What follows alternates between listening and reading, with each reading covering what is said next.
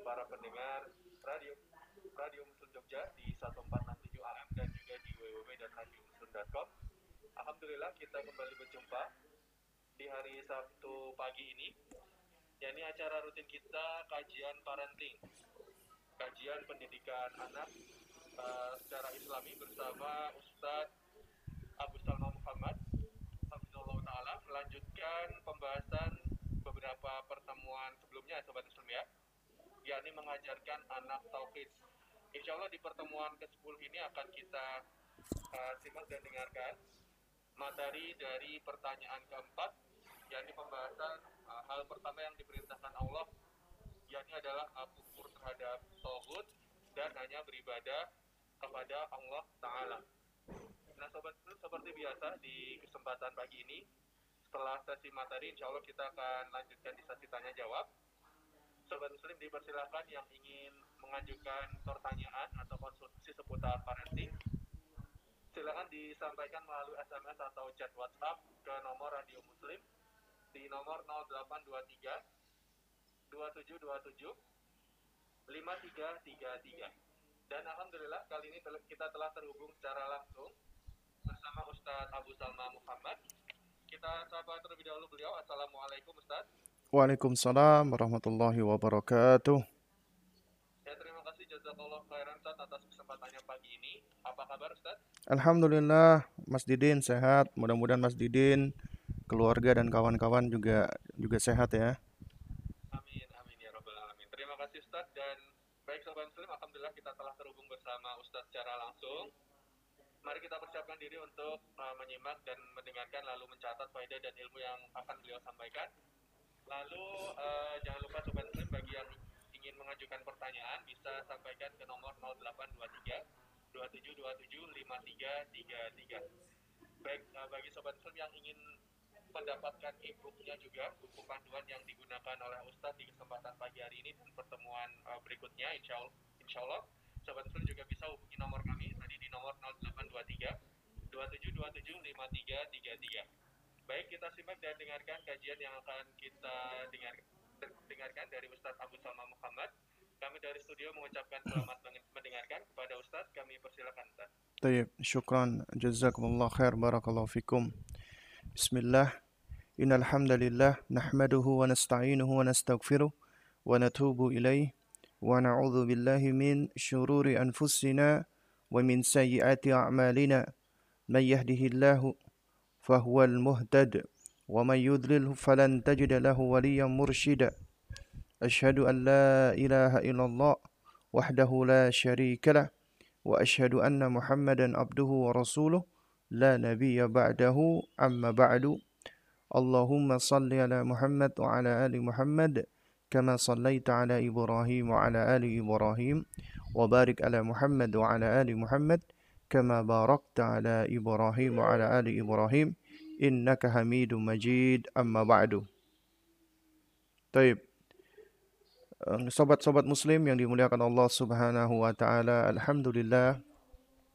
Di pagi hari ini kita diperkenankan Allah subhanahu wa ta'ala Untuk dapat bersua kembali melanjutkan kajian kita Ya kajian yang membahas sebuah risalah yang bermanfaat yang ditulis oleh uh, Syekhul Islam Muhammad bin Abdul Wahab rahimahullahu taala yang berjudul Ta'limus Sibyan At-Tauhid mengajarkan anak-anak tauhid. Dan ini adalah ya perkara penting yang wajib dipahami dan diajarkan kepada anak-anak setiap anak-anak. Ya ini adalah suatu hal yang mutlak dan alhamdulillah dari apa namanya risalah atau ebook ini ya bagi yang belum punya bisa mengunduhnya ya di website radiomuslim.com ya. Jadi di situ ada ebook PDF-nya. Dan kita uh, di kesempatan ini akan melanjutkan dari pembahasan yang kemarin masih soal robi, pertanyaan yang keempat ya. Jadi pertanyaan yang keempat ini adalah pertanyaan yang memang pendek tapi jawaban yang diberikan oleh Syekh untuk kita ajarkan kepada anak-anak kita adalah jawaban yang panjang. Sehingga untuk membahas pertanyaan yang keempat ini ya kita memang memerlukan apa namanya memerlukan beberapa sesi ya. Jadi kita tidak bisa langsung dalam satu sesi kita selesaikan semuanya. Ya. Nah, karena ini adalah permasalahan yang sangat penting sekali. Yaitu li ayyi syai'in ya khalaqaka. Untuk apa Allah menciptakan Anda? Untuk apa Allah menciptakan kamu? Ini adalah pertanyaan yang penting sekali, ya. Jadi ini adalah pertanyaan yang akan menjadi motivasi ya dan juga akan menjadi apa namanya motor pendorong bagi setiap manusia yang memahami hal ini. Karena manusia yang tahu yang ngerti bahwasanya dia ternyata di dunia ini ya Allah Subhanahu wa taala ciptakan kemudian dilahirkan oleh ibunya keluar dari penarahim ibu-ibu mereka itu bukan sekedar hanya hidup lalu kemudian menikah, makan, minum, tidur, meninggal dunia selesai tidak, ya. Tapi di situ ada tujuan besar, ada tujuan utama. Yang mana tujuan ini yang akan bisa menggerakkan manusia untuk mendapatkan kebahagiaan. Karena tentunya kita sebagai manusia kita menginginkan kebahagiaan. Hidup di dunia ini apalagi nanti di akhirat, ya. Dan kebahagiaan ini sejatinya tidak akan bisa diperoleh oleh manusia. Maksudnya kebahagiaan sejati. Kalau kebahagiaan sementara mungkin banyak. Orang bersenang-senang, bahagia sementara. Setelah itu langsung dirinya mengalami kekhawatiran-kekhawatiran, kegelisahan-kegelisahan, dan yang semisalnya.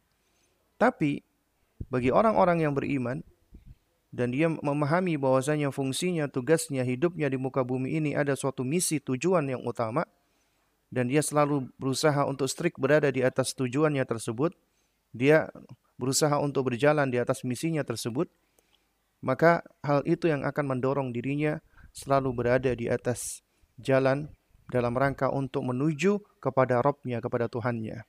Sehingga dia akan mendapatkan keteguhan, kemantapan, kekokohan yang mana ini akan mendrive menuju kepada as-sa'adah, menuju kepada kebahagiaan dia. Dia akan mendapatkan ketenangan, ketentraman, kedamaian yang mana ini juga merupakan bagian dari kebahagiaan. Karena nggak mungkin orang bahagia dalam kondisi dia gelisah, dalam kondisi dia bingung, dalam kondisi dia bersedih, tidak. Tapi bahagia itu akan didapatkan dengan adanya ketenangan, ketentraman, ya, kemantapan, kekokohan, dan yang paling utama dari itu semua adalah keimanan. Ya, jadi keimananlah yang akan membuahkan kebahagiaan yang sebenarnya. Nah, sobat muslim yang dimuliakan Allah Subhanahu wa taala. Syekh Muhammad bin Abdul Wahab rahimahullahu taala di pertanyaan yang keempat ya, sebelum sebelumnya ya tentang pertanyaan agar supaya kita mengajarkan anak kita mengenal Robnya, mengenal penciptanya, mengenal pemiliknya, mengenal penguasanya, mengenal pengaturnya yaitu Allah Subhanahu wa taala. Lalu kemudian juga di pertanyaan yang berikutnya juga sudah dijelaskan tentang ya bagaimana supaya kita manusia dan juga kita bisa mengajarkan anak-anak kita mengenal Tuhan mereka. Bagaimana caranya? supaya mereka bisa kenal dengan pencipta mereka. Maka di pertanyaan yang keempat ini, maka ini adalah di antara salah satu perkara yang inti yang mendasar. Yaitu apa? Untuk apa kita diciptakan Allah? Untuk apa Allah menciptakan kita? Gak mungkin kita diciptakan tanpa ada tujuannya. Dan tujuan yang paling utama adalah sebagaimana diterangkan Syekh di sini adalah li'ibadatihi untuk mengibadahi Allah. Wahdahu la syarikalah Allah semata tidak ada sekutu, tidak ada partner baginya. Wa ta'atuhu dan mentaati Allah Subhanahu wa taala bimtithali ma amarah bihi dengan cara mengamalkan mempraktekkan apa yang Allah perintahkan ya wa tarku ma yanha anhu dan juga meninggalkan apa yang Allah larang darinya karena Allah Subhanahu wa taala berfirman di dalam surat Adz-Dzariyat wa ma khalaqtul jinna wal insa illa liya'budun karena tidaklah aku ciptakan jin dan manusia kecuali untuk beribadah. ay liyuwahhidun kata Abdullah ibnu Abbas radhiyallahu taala anhuma yaitu untuk untuk mentauhidkan Allah Subhanahu wa taala. Nah, ibadah ini nggak akan bisa tegak kecuali dengan apa? Kecuali dengan kita berusaha untuk melepaskan diri dari lawannya. Lawannya tauhid yaitu syirik. Ya. Dan syirik itu adalah adalah kezaliman yang paling besar, dosa yang paling besar yang tak akan diampuni oleh Allah Subhanahu wa taala apabila tidak bertaubat di dunia ini. Dan ini juga sudah kita bahas bahwasanya innahu man yusyrik billahi faqad haramallahu alaihi aljannata wa ma'wahu an-nar. Sesungguhnya siapa yang berbuat syirik menyekutukan Allah di muka bumi ini, maka Allah akan haramkan baginya surga dan tempatnya adalah neraka. Dan juga ya karena sudah diterangkan di pertemuan-pertemuan yang lalu tentang ah, hakikat daripada syirik dan juga uh, hakikat daripada ibadah dan juga di dalam penjelasan tentang ibadah ibadah itu adalah ismun jami'un likulli ma yuhibbuhullahu wa yarda minal aqwali wal a'malil batina wa dhahira ibadah itu adalah suatu sebutan yang komprehensif yang mencakup semua apa yang Allah cintai Allah meridhoinya dari ucapan dan perkataan yang tampak dan yang tak tampak. Kemudian di pertemuan yang terakhir kemarin kita membahas salah satu bentuk ibadah yaitu doa. Karena doa memang ini merupakan ya substansi daripada ibadah-ibadah yang ada. Nah, oleh karenanya makanya Syekh di sini membawakan sebuah hadis tapi hadis yang dhaif, yang lemah sebenarnya. Doa mukhul ibadah. Meskipun secara makna adalah benar. Dan yang sahih adalah hadis ad-du'a huwal ibadah. Doa itu adalah ibadah itu sendiri. Nah, dan insya Allah kita di kesempatan ini kita akan melanjutkan yaitu bagian yang terakhir dari pertanyaan yang keempat ini. Dan ini adalah perkara yang penting sekali yaitu ya mengajarkan kepada anak-anak kita agar mereka memahami tauhid sehingga mereka berusaha untuk melaksanakan kewajiban tersebut yang merupakan haknya Allah yang paling tinggi. Kemudian mereka harus memahami tentang syirik dan juga harus berlepas diri dari tauhid. Dan insya Allah di kesempatan ini kita akan membahas tentang ya tentang tauhid ya. Yaitu wajibnya kita kufur terhadap tauhid. Jemaah sekalian, sobat-sobat muslim yang dimuliakan Allah Subhanahu wa taala. Qala al-muallifu rahimahullahu taala penulis yaitu Syekhul Islam Muhammad bin Abdul Wahhab rahimahullahu taala beliau berkata wa awwalu ma faradallahu ala ibadihi al-kufra bit-taghuti wal iman billahi dan yang pertama kali yang Allah Subhanahu wa taala perintahkan Allah wajibkan Allah fardukan bagi hamba-hambanya adalah kufur terhadap tauhid dan iman kepada Allah kalau kita perhatikan, kalau kita perhatikan di sini ada dua kata yang saling ya berlawanan, kufur dan iman. Dan inilah kesempurnaan. Yaitu apa? Bahwasanya keimanan kita kepada Allah tidak akan sempurna apabila tidak diiringi dengan mengkufuri tauhid. Bahkan keimanan kita kepada Allah tidak akan sah apabila kita tidak mengkufuri tauhid. Demikian pula ya ya kewajiban kita untuk mengkufuri tauhid agar kita bisa mendapatkan keimanan yang benar, keimanan yang sahih dan keimanan yang sempurna. Ya. Allah Subhanahu wa taala berfirman sebagaimana disebutkan oleh Syekhul Islam Muhammad bin Abdul Wahab sebagai dalilnya dan ini adalah kelebihan beliau. Setiap kali beliau memaparkan sesuatu, beliau nggak pernah lepas menyebutkan dalilnya, menyebutkan hujahnya. Ini mengajarkan kita ya sobat-sobat muslim agar kita selalu bersikap kritis ilmiah. Artinya, apa pun yang kita dapatkan, ucapan perkataan siapa pun yang mengucapkan, maka kita harus kritis. Kritisnya adalah harus kita timbang. Ada enggak dalilnya? Ada enggak hujahnya? Dan dalil itu dan hujah itu adalah qala Allah wa qala Rasulullah sallallahu alaihi wasallam yaitu firman Allah dan firmannya uh, Rasulullah sallallahu alaihi wa ala alihi wasallam. Ya, qala ta'ala kata Syekh. Allah Subhanahu wa taala berfirman, "Wa laqad ba'athna fi kulli ummatin rasulan an i'budullaha wajtanibu taghut." Surat An-Nahl ayat 36. Kata Allah Subhanahu wa taala, sungguh kami telah utus fi kulli ummatin pada setiap umat. Ketika Allah Subhanahu wa taala menyebutkan fi kulli ummatin, artinya ini menyeluruh untuk semua umat. Karena kata kullu di sini diikuti dengan isim nakirah, yaitu kata benda yang indefinitif. Ini maknanya artinya semua umat itu pasti semuanya sudah diutuskan oleh Allah Subhanahu wa taala para rasul kepada mereka atau para nabi apa kepada mereka. Dan ini termasuk bagian dari rahmat Allah, rahmatnya Allah. Kasih sayang Allah kepada hamba-hambanya. Allah uji kita di muka bumi ini, tapi Allah nggak biarkan kita begitu saja. Ya, Allah Subhanahu wa taala berikan kita ya yaitu ada jalan-jalan kebahagiaan, jalan-jalan keselamatan. Ya, Allah sudah terangkan jalan-jalan tersebut. Dan Allah berikan kita kemampuan untuk khiyar, untuk memilih. Makanya kita makhluk yang mumayyiz. Ya.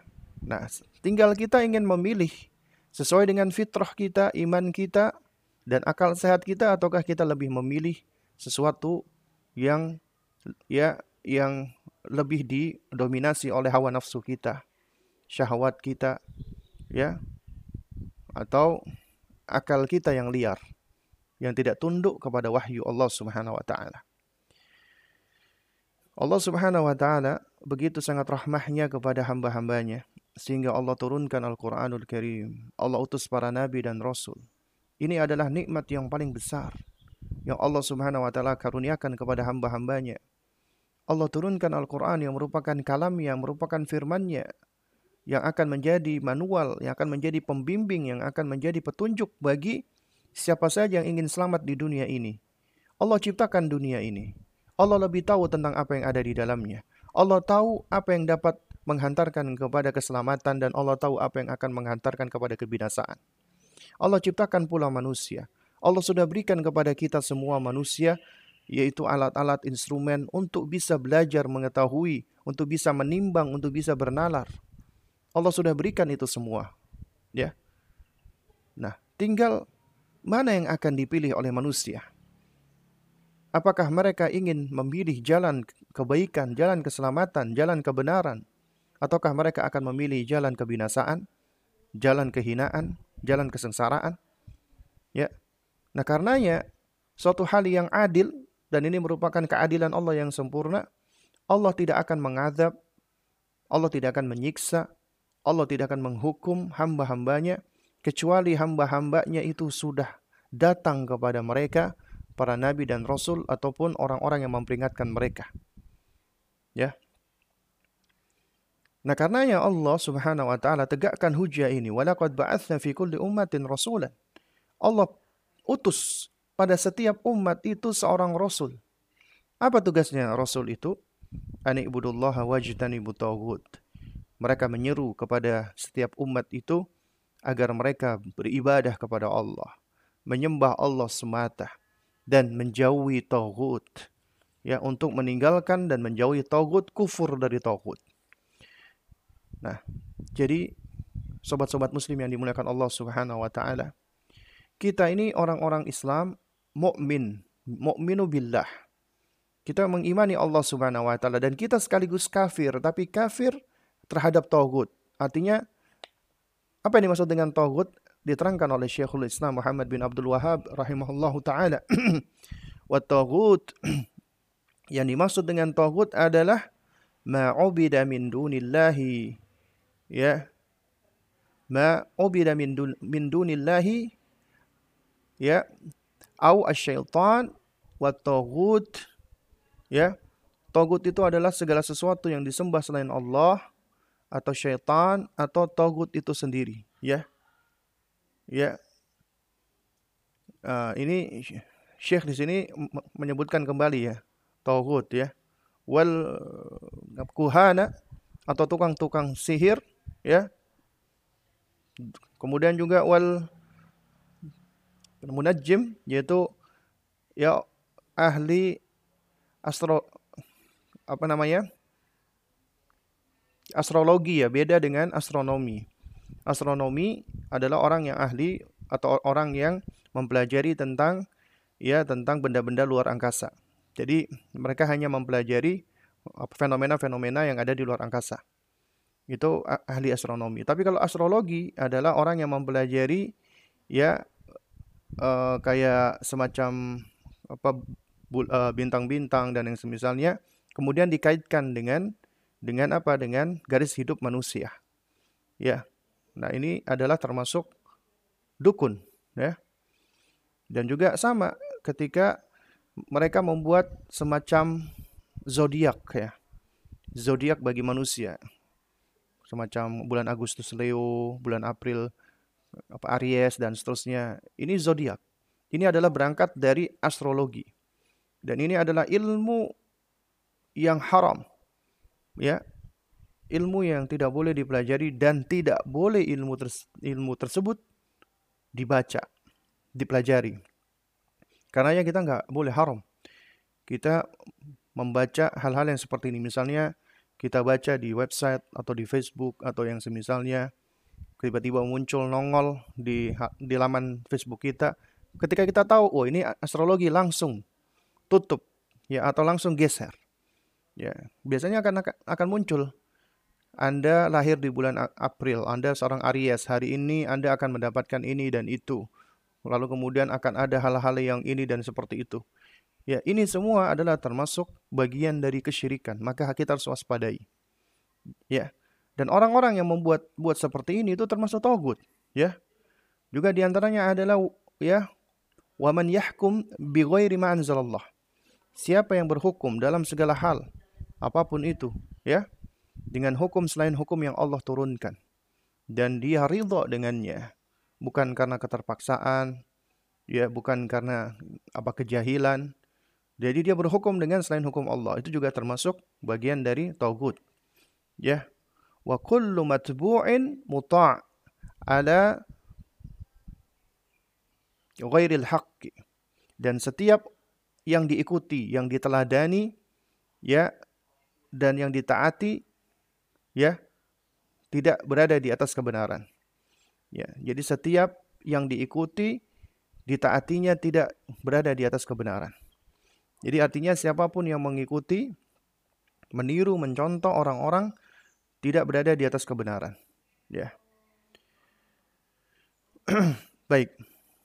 Qala Al-Allama Ibnu Bas ya, qala Al-Allama Ibnu Qayyim ya, afwan. Qala Al-Allama Ibnu Qayyim rahimahullahu taala. Ya. Syekh menukilkan ucapan Al-Imam Al-Allamah Al-Hafidh Ibnu Qayyim rahimahullahu taala at-taghut ya. Yang dimaksud dengan taghut adalah ma yujawizu bihi al-'abdu haddahu min ba'budin aw madbu'in aw muta'in. Yang dimaksud dengan taghut adalah ya ya yaitu ya. Segala sesuatu yang melampaui batas yang dilakukan oleh seorang hamba terhadap segala sesuatu yang mereka sembah atau yang mereka taati atau yang mereka ikuti ya. Namun tidak berada di atas apa kebenaran ya. Jadi togut adalah ya adalah apa? Ma yujawizul abdu ya. Ini di buku apa apa apa nama terjemahannya ini ada kesalahan sedikit ya.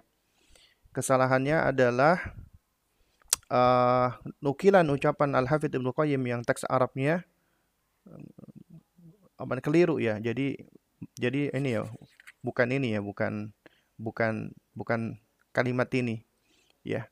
Jadi kalimat yang ucapannya Al-Hafidh Ibnu Qayyim rahimahullah taala adalah ya at-taghut ma yujawizu bihi al-'abdu haddahu min ma'bud min ma'budin aw matbu'in aw muta'in. Ya. Tagut adalah segala sesuatu yang melampaui batas yang dilakukan oleh seorang hamba terhadap yang disembahnya, yang diikutinya atau yang ditaatinya. Ya. Nah, di sini Syekh Muhammad bin Shalih Al-Utsaimin rahimahullah taala ketika mengomentari ya ucapan Al-Allamah Ibnu Qayyim rahimahullah taala beliau mengatakan bahwasanya yang dimaksud dengan yang diibadahi, diikuti dan ditaati adalah selain dari orang-orang soleh. Karena sebenarnya makna togut yang paling dakik adalah ya ini uh, definisinya sudah benar yaitu ma ubida min dunillah. Ya, segala sesuatu yang disembah selain Allah atau ditaati atau di, diikuti wa huwa radin. Ya, dan yang diikuti disembah itu atau ditaati selain Allah itu dia ridho dengannya. Dia rela dengannya, dia senang dengannya. Maka itu tauhid. Tapi apabila yang disembah, yang diikuti, yang ditaati tersebut tidak ridho, maka tidak boleh dikatakan sebagai tauhid. Makanya orang-orang soleh yang disembah tidak boleh dikatakan tauhid. Demikian pula Nabi Isa alaihissalam. Ya, Nabi Isa alaihissalam yang disembah dijadikan Tuhan, maka tidak boleh kita katakan Nabi Isa adalah tauhid karena beliau tidak ridho. Ya. Adapun mereka yang menyeru mengajak seperti Fir'aun alaihi la'natullah ketika didakwai oleh Nabi yang mulia Nabi Musa alaihissalam dia mengatakan ya wa ana rabbukumul a'la aku adalah Rabbmu yang paling tinggi. Ya. Maka beliau adalah tauhid tauhid yang paling besar di muka bumi ini. Ya demikian pula Abu Jahal. Ya bahkan Abu Jahal dikatakan adalah Fir'aun yang umat ini. Ya alaihi la'natullah. Ya karena dia menyeru dan mengajak agar manusia itu fanatik dan mengkultuskan dirinya ya. Dan demikian pula siapa pun ya yang mengajak untuk mengkultuskan dirinya menaati dirinya ya mengagungkan dirinya selain Allah Subhanahu wa taala maka dia adalah tauhid dan dia ridho dia senang. Apabila ada orang siapa pun dia ya mau dia kalangan disebut dengan ustadz, kiai, habib atau yang semisalnya kalau dia mengajak manusia agar manusia sujud kepadanya, menaati dirinya, tidak sebagaimana apa maksudnya dengan uh, dengan hak dengan benar, ya, maka sesungguhnya mereka ini adalah tauhid. Nah, karenanya Syekh Utsaimin mengatakan yang dimaksud dengan ya al-ma'bud wal matbu wal muta' yang diibadahi, yang diikuti dan ditaati adalah selain orang-orang soleh. Adapun orang-orang soleh bukan togut. Meskipun mereka disembah, meskipun mereka diikuti, meskipun mereka ditaati. Ya. Nah, tapi yang dimaksud togut adalah berhala-berhala selain Allah yang disembah. Itulah togut. Ulama su, ulama buruk, ulama jelek yang mengajak kepada dholalah, kepada kesesatan, kepada kekufuran, kepada kebid'ahan, atau ulama-ulama yang mengajarkan untuk menghalalkan apa yang Allah haramkan atau mengharamkan apa yang Allah halalkan, maka mereka adalah tauhid. Jadi kalau ada ulama-ulama ya yang menghalalkan khamar, yang menghalalkan zina, yang menghalalkan apa-apa yang Allah yang yang Allah haramkan, maka mereka adalah tauhid, ya. Dan juga orang-orang ya yang menipu memperdaya penguasa-penguasa kaum muslimin agar bisa keluar dari syariat Islam. Maka mereka lah tauhid. Karena mereka semua ini adalah orang-orang yang melampaui batas. Dan tauhid itu secara asal adalah orang-orang yang melakukan perbuatan uh, mentogoh ya. Ya. Dan ini juga Allah Allah sebutkan wa amman uh, apa togoh ya Wa amma man tagha wa athara al-hayata dunya. Adapun orang-orang yang melampaui batas dan lebih mendahulukan kehidupan dunia, ya. Ya, maka mereka ini adalah orang-orang yang mendapatkan keburukan ataupun kebinasaan, ya. Taib. Sobat muslim yang dimuliakan Allah Subhanahu wa taala ya.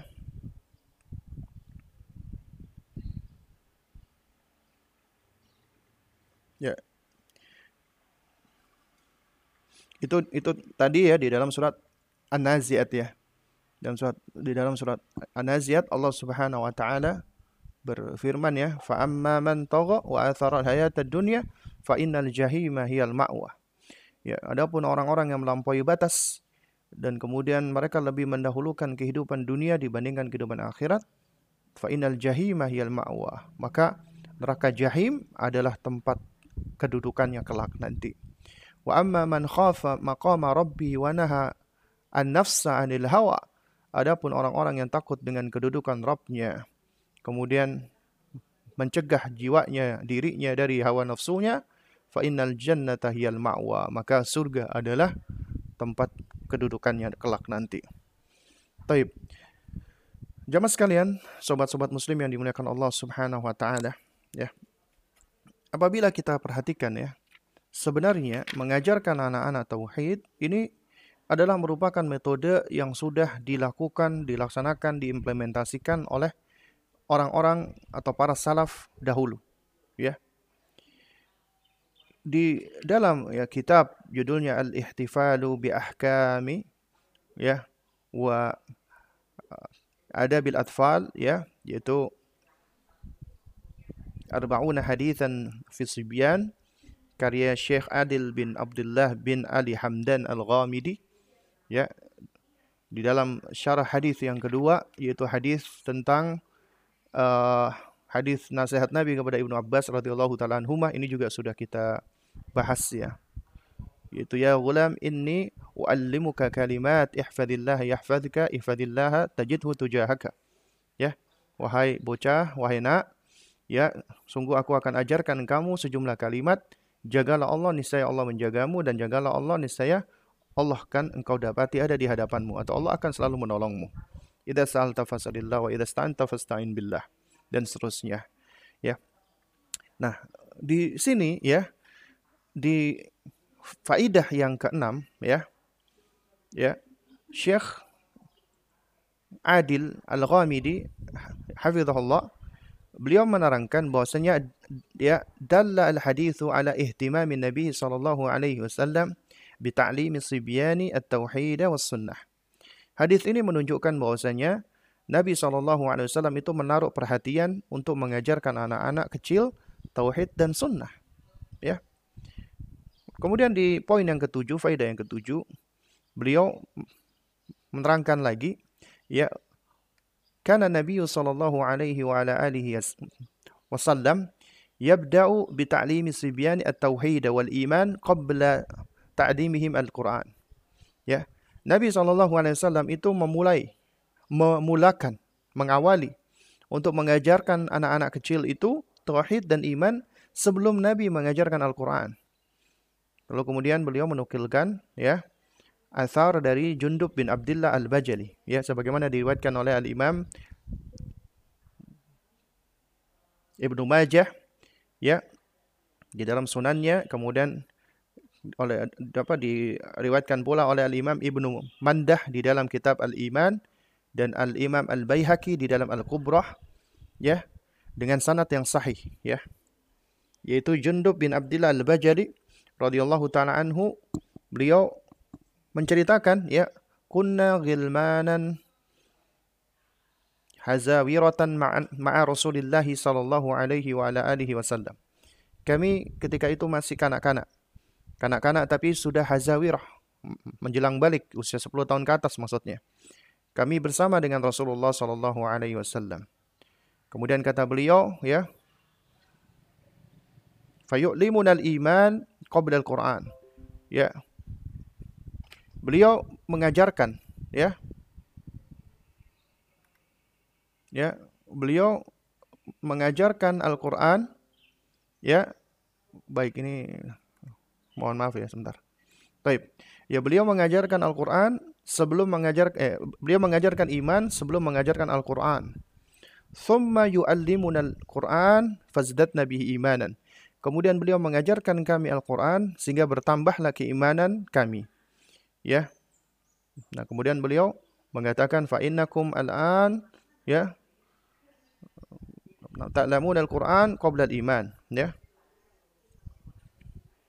Adapun kalian sekarang adalah kalian lebih mendahulukan mempelajari Quran sebelum mempelajari keimanan, ya.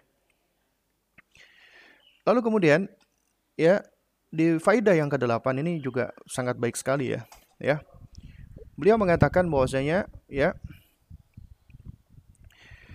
demikian pula para salafus salih. Laqad sara as-salafus salih ala hadzal manhaj. Ya para salafus salih mereka mengikuti manhaj al-qawim, manhaj yang lurus ini fi ta'limi sibyanihim di dalam mengajari anak-anak mereka. Ya. Fakanu yabda'una bitalqinihim wa ta'limihim at-tauhid wal iman wa sunnah mundu sigorihim ya dan mereka itu memulakan atau mengawali dengan cara mentalkin mereka talkin dulu. Baru kemudian taklim baru kemudian mengajarkan mereka. Kenapa talkin? Karena indera yang pertama kali berkembang pada anak adalah pendengaran sehingga itu fase tasmi dan talkin. Talkin supaya mereka pertama kali belajar bicaranya, belajar takbir, belajar pronunciation, belajar ngomong adalah dengan kalimat-kalimat yang baik. Di antaranya kalimat-kalimat thayyibah, di antaranya kalimat tauhid, di antaranya adalah la ilaha illallah. Dan mengajarkan mereka setelah itu diajarkan maknanya, artinya at-tauhid wal iman was sunnah mundu sigorihim. Ya. Hatta yansha'a as-sabi muwahhidan sunniyan. Agar anak-anak itu mereka akan tumbuh menjadi seorang muwahhid yang mentauhidkan Allah, sunniyan yang mengikuti sunnah Nabi sallallahu alaihi wasallam la tadurruhu al-ahwa'u walal fitanu biiznillah ta'ala. Ya, dan mudah-mudahan tidak akan mencederainya, tidak akan mempengaruhinya, ya, yaitu hawa-hawa nafsu dan fitnah dengan izin Allah Subhanahu wa taala. Lalu kemudian disebutkan di sini ada sebuah athar ya dari Ishaq bin bin Abdullah. Ya. Dari neneknya Ummu Sulaim jadi Ishak bin Abdullah ini adalah cucunya Ummu Sulaim. Siapa Ummu Sulaim? Ummu Sulaim adalah ibunya Anas bin Malik. Ya. Ya. Jadi dari cucu apa dari neneknya yang bernama Ummu Sulaim annaha amanat bi Rasulillah bahwasanya Ummu Sulaim itu beriman kepada Rasulullah. Ya, qalat kemudian beliau bercerita faja'a Abu Anas. Bapaknya Anas suaminya datang. Ya, wa kana ghaiban, ya. Jadi sebelumnya dia nggak ada, lalu dia datang, ya, ya. Nah, baik, uh, ya sebentar. Sobat muslim yang dimuliakan Allah Subhanahu wa taala, ya. Ya. Jadi di dalam asar ini, ya ini asarnya cukup panjang ya. Ummu Sulaim, beliau menceritakan bahwasanya ya ketika Ummu Sulaim itu menyusui Anas bin Malik ya, ya suaminya datang, apakah engkau apa namanya menyusuinya? Ya, aku menyusui Anas bin Malik ya. Dan aku walakinni amantu bihadzal rajul. Aku mengimani laki-laki ini, itu mengimani Rasulullah. Ya. Kemudian beliau menceritakan ya, ya akhirnya beliau pun ketika Anas masih masih disusui itu ibundanya Anas Ummu Sulaim dan ini bisa kita contoh sebenarnya. Beliau sudah mentalkin Anas dengan mengucapkan kalimat la ilaha illallah. Kul. Ya ucapkan wahai Anas la ilaha illallah. Kul ucapkanlah wahai Anas asyhadu anna Muhammadan Rasulullah. Qala fa fa'ala. Ya. Lalu kemudian bapaknya Anas itu yang yang yang masih kafir ya dia mengatakan ya la uh, tusidi alayya ibni ya janganlah engkau merusak ya janganlah engkau merusakkan anak-anakku ya ya Kemudian kata ibundanya Anas, Ummu Sulaim, inilah ufsiduhu. Aku enggak merusaknya. Ya. Lalu kemudian diceritakan ya, setelahnya kemudian Malik Abu Anas dia berjumpa dengan musuh, kemudian dia pun ter apa namanya? terbunuh ya. Nah, jadi intinya Ummu Sulaim ketika menikah dengan bapaknya Anas, bapaknya Anas itu masih masih kafir. Jadi Ummu Sulaim masuk Islam duluan. Ketika dia masuk Islam, itu subhanallah. Ya. Beliau langsung mentalkin Anas dari semenjak kecilnya dengan kalimat-kalimat thayyibah. Nah, oleh karenanya makanya tidak heran ketika Anas bin Malik itu beranjak dewasa menjadi salah seorang istimewa. Beliau menjadi pelayannya Rasulullah, asistennya Rasulullah dan orang yang dekat dengan Rasulullah. Ya. Karenanya ya, ya. Baik ini apa namanya bolak-balik putus ya. Taib. Nah, karenanya ya, ketika ketika Anas bin Malik ya radhiyallahu taala anhu itu sudah berusia ya kanak-kanak usia tufulah. Kemudian Rasulullah SAW itu sampai ke Madinah, langsung Ummu Sulaim menemui Rasulullah dan langsung menyampaikan kepada Rasulullah bahwasanya anaknya ini ya dia tawarkan kepada Rasulullah untuk menjadi pelayannya Rasulullah sallallahu alaihi wasallam. Taib. Ya. Enggak uh, terakhir ya. Jadi insya Allah kita lanjutkan setelah itu dengan tanya jawab ya. Ya.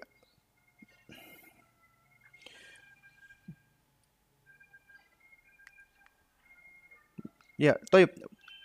Masih di dalam kitab yang sama, ya. Di sini disebutkan juga sebuah asar dari Ibnu Abi Syaibah rahimahullahu taala. Ya. Beliau membawakan asar dari Ali ibn Husain rahimahullah.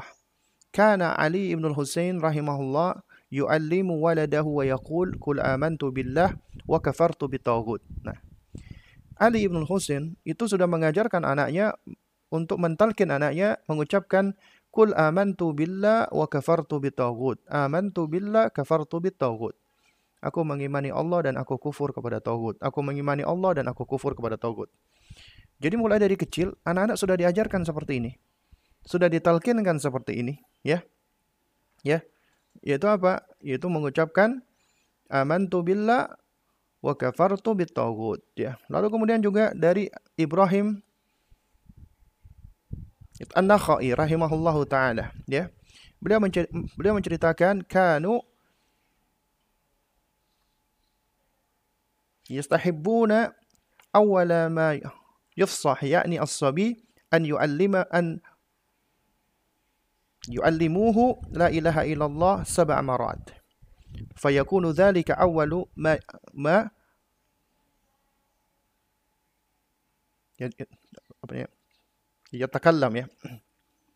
dari Ibrahim An-Nakhai rahimahullah beliau mengatakan mereka para salaf dahulu ya mereka menyenangi bahwasanya pertama kali ya yang mereka ajarkan kepada anak-anak untuk bisa berbicara ya adalah mereka mengajarkan la ilaha illallah tujuh kali tujuh kali.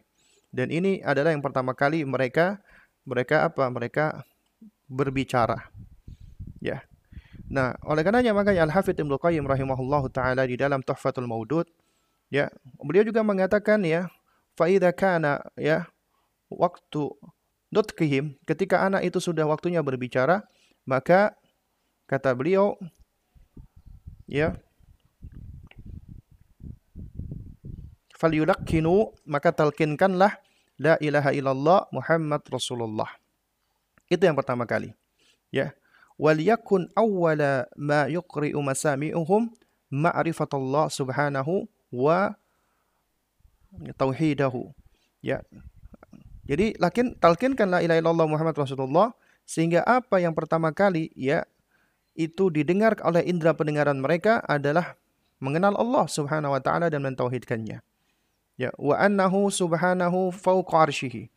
Jadi talkinkan pula bahasanya Allah Subhanahu wa taala itu berada di atas arsy-Nya. Beristiwa di atas arsy-Nya, berada di atas arsy-Nya. Yanzuru ilaihim, melihat mereka, melihat anak-anak tersebut. Ya. Wa yasma'u kalamahum, mendengarkan perkataan-perkataan mereka. Artinya kita ajarkan ya Allah itu adalah al-basir, as-sami, maha melihat, maha mendengar. Allah melihat ya semuanya. Allah mendengar semuanya. Wa huwa ma'ahum aina makanu. Ya. Dan Allah itu bersama mereka di mana pun mereka berada. Maksudnya adalah ilmu Allah. Pengetahuan Allah berada di mana-mana. Bukan zatnya Allah. Ya. Ya. Nah, juga kemudian disebutkan wa kana banu Israel kathiran ma ya ma itu apa namanya? yusammuna auladahum bi Immanuel. Ya, dahulu Bani Israel mereka banyak memberikan nama anak-anak mereka dengan nama Immanuel. Makna hadhil kalimat ya arti dari kalimat Immanuel ini adalah ilahuna ma'ana. Rabb kami, Tuhan kami bersama dengan kami. Ya, itu orang-orang Bani Bani Israel. Wa lihadza kana ahabbul asma ilallah. Nah, karena itulah nama yang paling disenangi oleh Allah adalah Abdullah wa Abdurrahman, hamba apa hamba Allah dan hambanya Ar-Rahman. Ya. Sehingga apa? Idza wa'a at-tiflu ya wa aqala alima annahu Abdullah. Annahu ya Abdullah ya. Jika anak itu sudah mulai paham, sudah mulai berakal, sudah mulai bernalar, dia akan tahu dia dari namanya dirinya adalah hamba Allah. Ya wa, wa anna Allah huwa sayyiduhu wa maulahu. Dan Allah itu adalah sayyidnya ya dan adalah apa namanya? adalah pelindungnya. Ya. Taib. Jadi jamaah sekalian para abah dan para ummahat ya, sobat-sobat muslim yang dimuliakan Allah. Jika kita perhatikan ya, sebenarnya dahulu para salaf mereka sudah ya sangat concern sekali mengajarkan anak-anak mereka tauhid ya. Dan ini dimulai dari semenjak dini ya. Mulai dari semenjak dini mereka sudah mentalkilkan mentalkinkan maksud saya ya kalimat-kalimat thayyibah seperti ini. Baik. Ya dikarenakan sekarang sudah pukul 9.48 ya dan insyaallah ya masih ada waktu ya kurang lebih sekitar 12 sampai 13 menit untuk bertanya jawab. Uh, baik untuk kesempatan berikutnya tentang soal jawab ya akan kami serahkan kepada uh, Mas Didin ya. Toib. Itu Mas Didin, bagaimana Mas? Apa sudah ada pertanyaan yang masuk Mas? Baik, Alhamdulillah uh, sudah Ustaz. Taib. Baik, uh, Jazakallahu khairan Ustaz atas penyampaian materi di kesempatan pagi hari ini. Alhamdulillah, Muslim. Baru saja tadi kita dengarkan uh, lanjutan kajian rutin kita setiap hari Sabtu pagi bersama Ustaz Abu Salma Muhammad. Kelanjutan mengajarkan anak tauhid pertemuan ke-10 pagi hari ini kita ada uh, beberapa pertanyaan Ustaz yang insya Allah akan kita bacakan dari sobat muslim dan pendengar. Pertanyaan pertama, Bismillah izin bertanya Ustaz, Qadarullah saya punya orang tua yang belum memahami sunnah, saat anak-anaknya berbuat salah itu dibiarkan. Saya sebagai kakak menasihati adik-adik, namun Qadarullah malah aneh, malah saya yang dimarahi orang tua sekalipun saya menasihati adik dengan baik. Pertanyaannya, sebenarnya batasan saya dalam menasihati adik-adik uh, dan anak-anak dari orang tua saya itu sejauh mana Ustadz? Apakah saya harus diam saja saat adik saya melakukan pelanggaran-pelanggaran syariat? Mohon penjelasannya Ustadz. Taib ya. Barakallahu fik ya. Jadi sebenarnya memang anak itu ya menjadi tanggung jawab orang tuanya. Orang tua yang akan diminta pertanggungjawaban oleh Allah Subhanahu wa taala tentang anak-anaknya. Ya. Namun memang ya seorang kakak, seorang abang, seorang mbak ya yang juga merupakan anak ya. Lalu kemudian ketika dia melihat adik-adiknya dan dia mampu untuk mengingkari ataupun menasehati, maka ini juga merupakan kewajiban bagi dirinya. Tapi tidak sebagaimana orang tuanya. Orang tua yang memiliki kewajiban utama. Dan yang bahkan ya, yang akan dihisap oleh Allah Subhanahu wa taala adalah tanggung jawab orang tua ini. Nah, karena itu ya uh, kita sebagai anak-anak ya maka kita wajib mencintai orang tua kita. Kita menyayangi orang tua kita. Dan apa, caranya di antara cara kita menyayangi orang tua kita adalah kita berbakti kepada mereka. Ya. Kita birrul walidain. Di antara birrul walidain berbakti kepada mereka adalah mentaati mereka di dalam perkara-perkara yang yang baik. Ya, di dalam perkara-perkara yang baik kita mentaati mereka. Adapun di dalam perkara-perkara ya yang sifatnya kemaksiatan atau menyelisihi maka kita tidak boleh mentaati mereka tapi tetap kita wajib berbuat baik ya uh, kita tetap wajib untuk uh, memperlakukan mereka dengan baik, menunaikan hak-hak mereka. Dan di antaranya juga menasehati mereka dengan cara yang baik.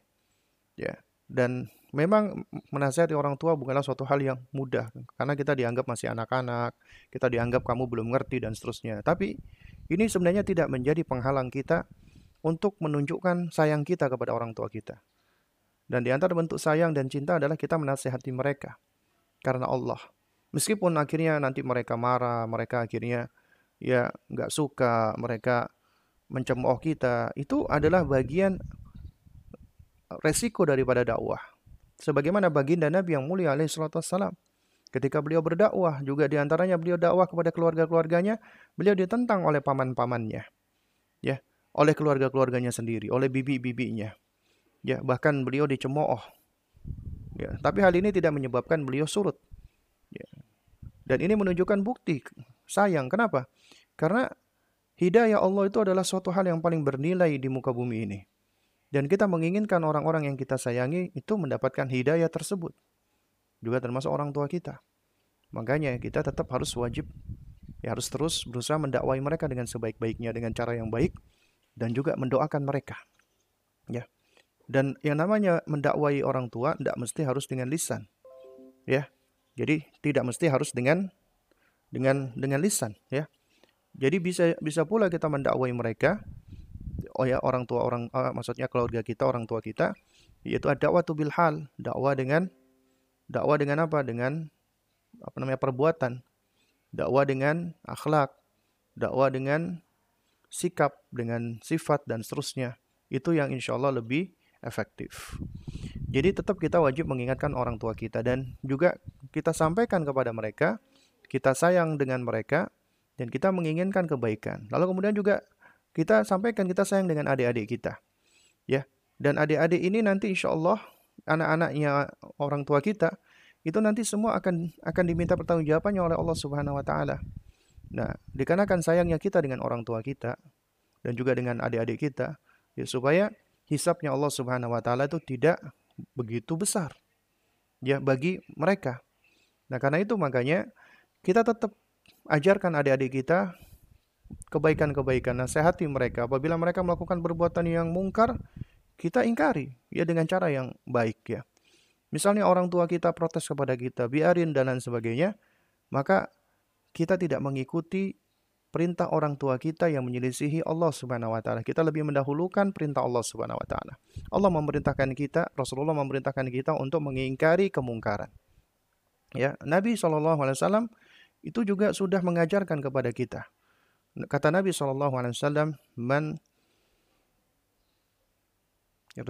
Yatra'a minkum munkaran, ya siapa di antara kalian yang melihat ya kemungkaran ya maka pertama kali adalah fal apa namanya yughayyir biyadihi maka hendaklah dia ubah dengan tangannya mengubah dengan tangan ini tidak bisa dilakukan oleh setiap orang Mengubah dengan tangan ini adalah bisa dilakukan oleh orang-orang yang memiliki kemampuan, memiliki kekuatan, memiliki wewenang, memiliki apa, apa kekuasaan. Di antaranya orang tua terhadap anaknya. Orang tua memiliki wewenang, tanggung jawab, kekuasaan terhadap anaknya. Apabila anaknya melakukan kemungkaran, wajib diingkari dengan tangannya terlebih dahulu. Misalnya anaknya lagi, mohon maaf, merokok. Maka orang tuanya langsung ambil, langsung menghentikan, ambil rokoknya lalu langsung dibuang. Ya. Dan demikian pula misalnya ada seorang kakak ngelihat adiknya akan ngomong kotor. Jadi ketika adiknya lagi mau ngomong kotor, dia dekati adiknya, dia tutup mulutnya misalnya dengan tangannya ya. Enggak, tapi dengan cara yang yang baik ya, bukan dengan cara dibekap dengan kasar tidak. Baru kemudian ingkari dengan lisannya kita sampaikan itu perkataan yang tidak baik, itu perkataan yang dibenci Allah, itu perkataan yang nggak disukai oleh manusia pula, itulah. Ya. Nah, tapi kalau ini semua tidak mampu, belum mampu kita lakukan, maka maka minimal kita wajib mengingkari dengan hati. Dan ini adalah adhaful iman, adalah selemah-lemahnya iman. Ya. Nah, jadi kalau ditanya sejauh mana batasan saya sebagai kakak boleh mengingkari adik, boleh menasehati adik adalah sejauh mana antum mampu untuk memberikan nasihat, antum mampu untuk memberikan uh, apa namanya saran-saran, antum mampu untuk untuk mengingkarinya, maka lakukan itu. Dan kita nggak usah khawatir kita dicemooh, kita dihina, kita dijelekkan, kita dimarahi, kita diomeli, karena itu merupakan konsekuensi daripada dakwah. Dan Luqman alaihissalam di antaranya ketika menasihati putranya, menasihati anaknya maksud saya, untuk ya uh, apa namanya, untuk bisa uh, menjadi ya anak yang soleh, Ya, dan ini Allah abadikan di dalam surat Luqman dari ayat ke-13 dan seterusnya. Di antara yang dinasihatkan Luqman kepada anaknya adalah apa? Ya, adalah beliau memerintahkan anaknya untuk salat, ya. Ya, untuk salat. Kemudian wa'mur bil ma'ruf wanha 'anil munkar. Kemudian beramar ma'ruflah dan nahi mungkarlah wasbir ala ma'asawbak. Kemudian bersabarlah atas segala apa yang menimpa kamu. Luqman ngerti bahwasanya setelah dia memerintahkan anaknya untuk sholat, kamu perlu beramal ma'ruf, kamu perlu nahi mungkar. Karena ini merupakan kewajiban. Dan ini merupakan ya sarana untuk membentuk imunitas bagi diri kita dan anak-anak kita. Apabila anak-anak Anda ingin mendapatkan imunitas yang kuat agar tidak mudah dipengaruhi oleh lingkungan yang jelek, ajarkan mereka untuk menjadi orang yang berani beramar ma'ruf nahi mungkar kemudian bersabar atas semua apa yang akan menimpa mereka. Ya wallahu taala alam bisawab. Baik Ustaz, jazakallahu khairan atas jawaban dan penjelasannya. Selanjutnya kita bacakan lagi pertanyaan uh, satu lagi pertanyaan Ustaz. Baik. Uh, Ustaz, ini dari hamba, hamba Allah di Palembang. Menanyakan di luar pembahasan bagaimana jika suami tidak mendukung istri dalam berpakaian syar'i dan suami mendukung istri berpakaian pakaian yang banyak motif. Bagaimana hukumnya Ustadz?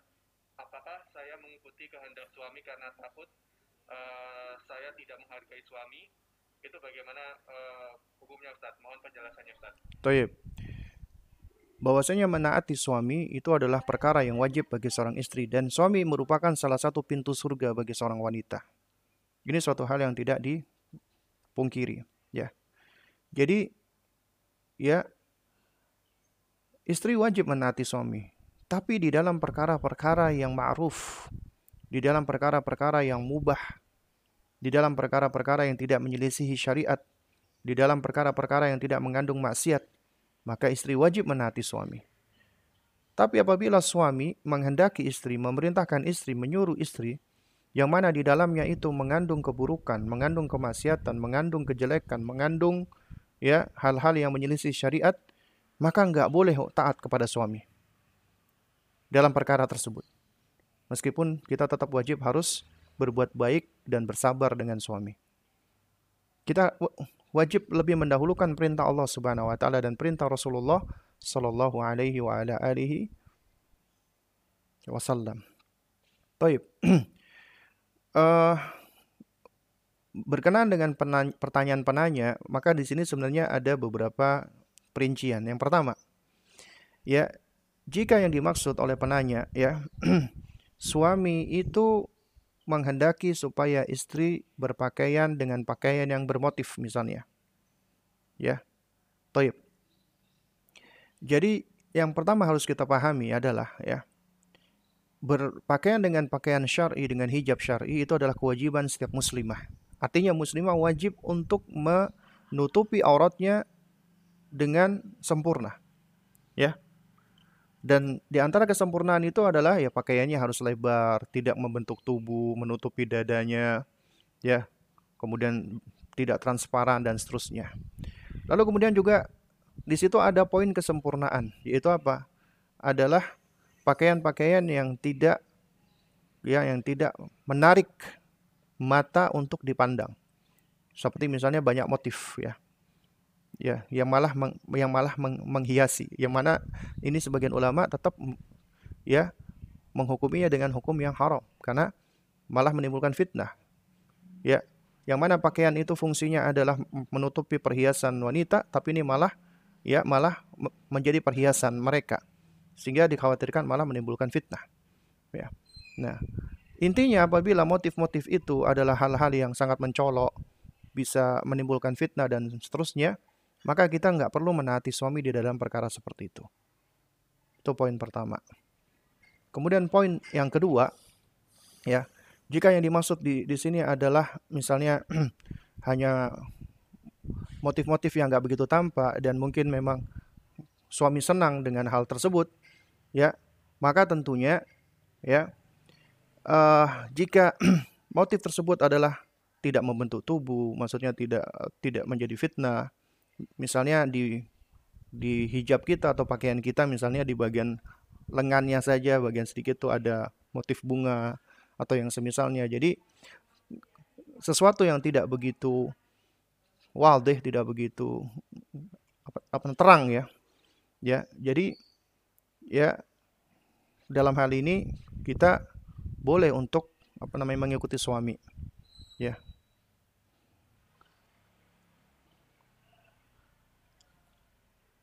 Sebab kenapa? Sebab bisa jadi ya motif-motif yang tidak begitu menimbulkan fitnah tadi ya. Jadi itu cuma mungkin ada semacam motif bunga atau gambar bunga ya.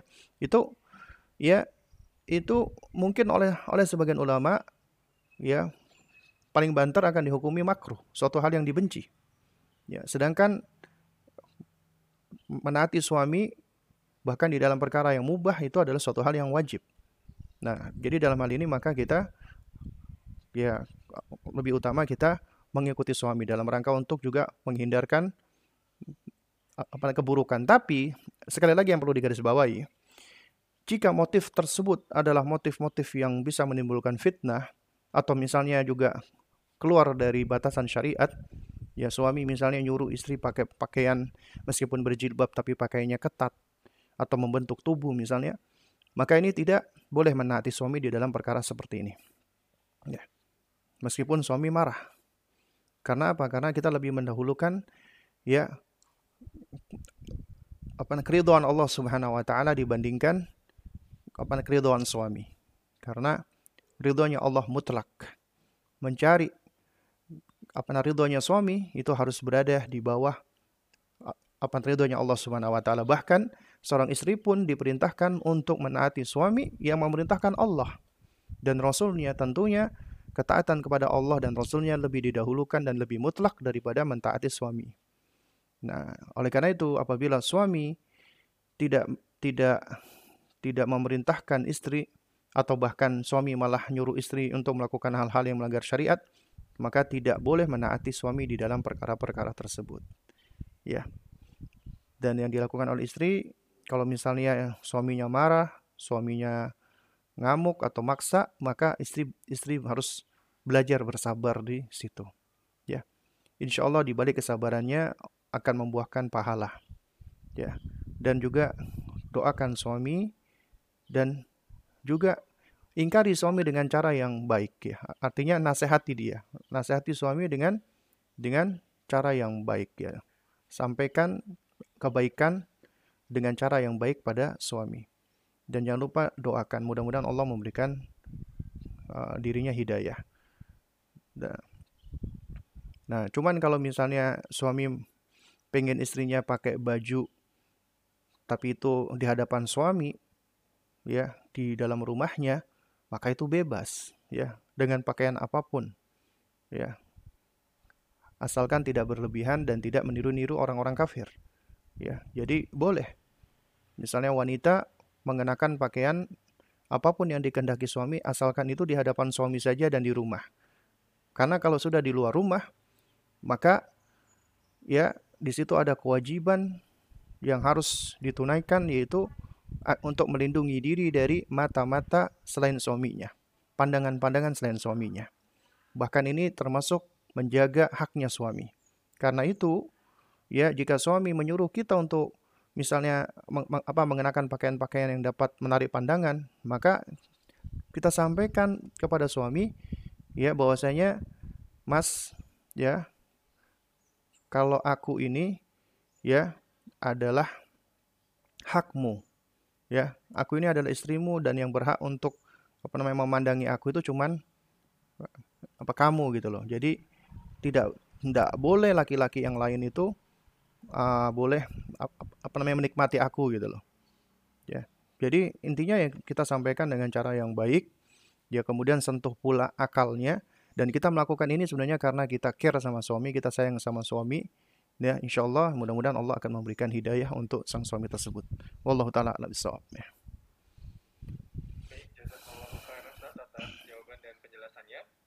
Dan itu adalah pertanyaan terakhir di kesempatan pagi menjelang siang hari ini. Sekali lagi jazakallahu khairan atas jawaban-jawaban dan materi yang sebelumnya disampaikan.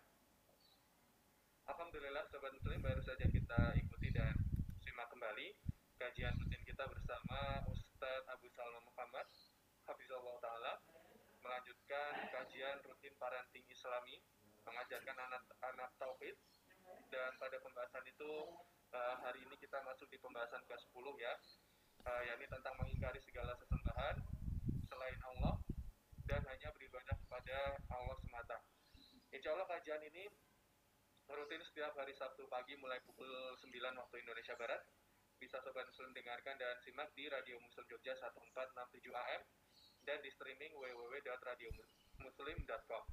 Demikian jazakumullahu khairan. Terima kasih atas kebersamaan dan perhatiannya. Dan kita akhiri dengan doa kafaratul majelis.